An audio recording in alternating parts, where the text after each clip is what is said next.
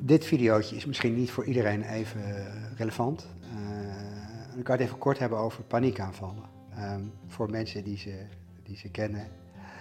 Uh, super heftig, ingrijpend, ondermijnend, uh, gruwelijk.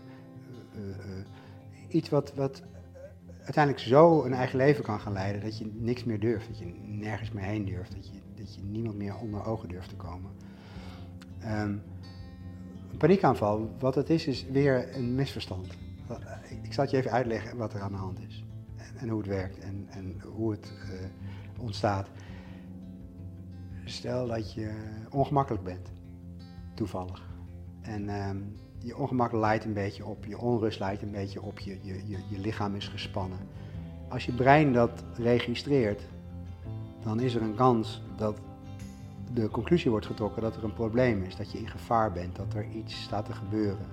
Je brein heeft een fantastisch heftig mechanisme uh, in zijn uh, toolbox en dat is de, het vecht, vlucht of bevriesmechanisme.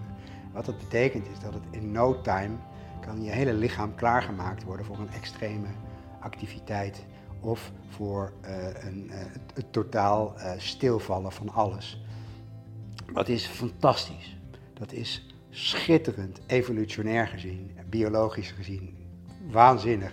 In, in, in, een fractie van een seconde is je hele lichaam wordt klaargemaakt voor een bovenmenselijke inspanning. Geweldig als je achtervolgd wordt door een beer, of, maar niet als je in de Albert Heijn staat of op een verjaarspartij staat en iemand kijkt je aan en vraagt hoe het met je gaat dan is een paniekaanval verschrikkelijk. Waarom? Eh, omdat het heel overweldigend is. Dus dat systeem wat in de juiste context fantastisch is en, en, en, en schitterend en bijzonder en rijk, werkt tegen ons als de context er niet om vraagt.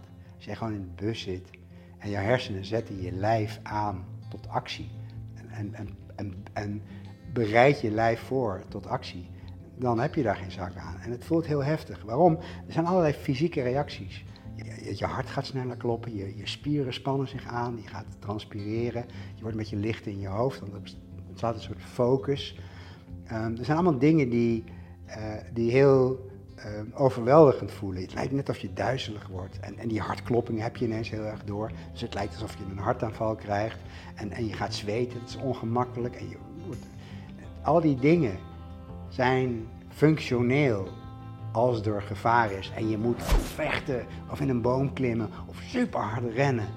Maar als je op een plek bent waar het niet nodig is, waar het niet functioneel is, voelt het ontzettend kut.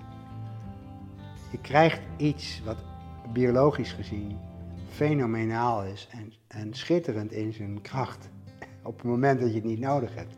Dat is wat een, een paniekaanval is. Het is dus niet, weer niet een, een aandoening of een, het resultaat van je ziekte of je stoornis.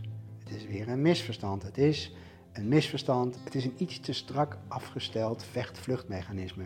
Waarbij je je brein de foute inschatting maakt dat omdat je gespannen bent, dat je een probleem hebt. En je, je hersenen proberen je te helpen. Door je in staat van paraatheid te brengen. En um, nogmaals, handig als het nodig is, maar meestal is het niet nodig. En meestal krijgen we het als we er niet op zitten wachten. En het voelt alsof je doodgaat. Super heftig. Ehm, maar dat is het dus. Uh, niet, uh, ja, ik zou haast willen zeggen, uh, geen paniek.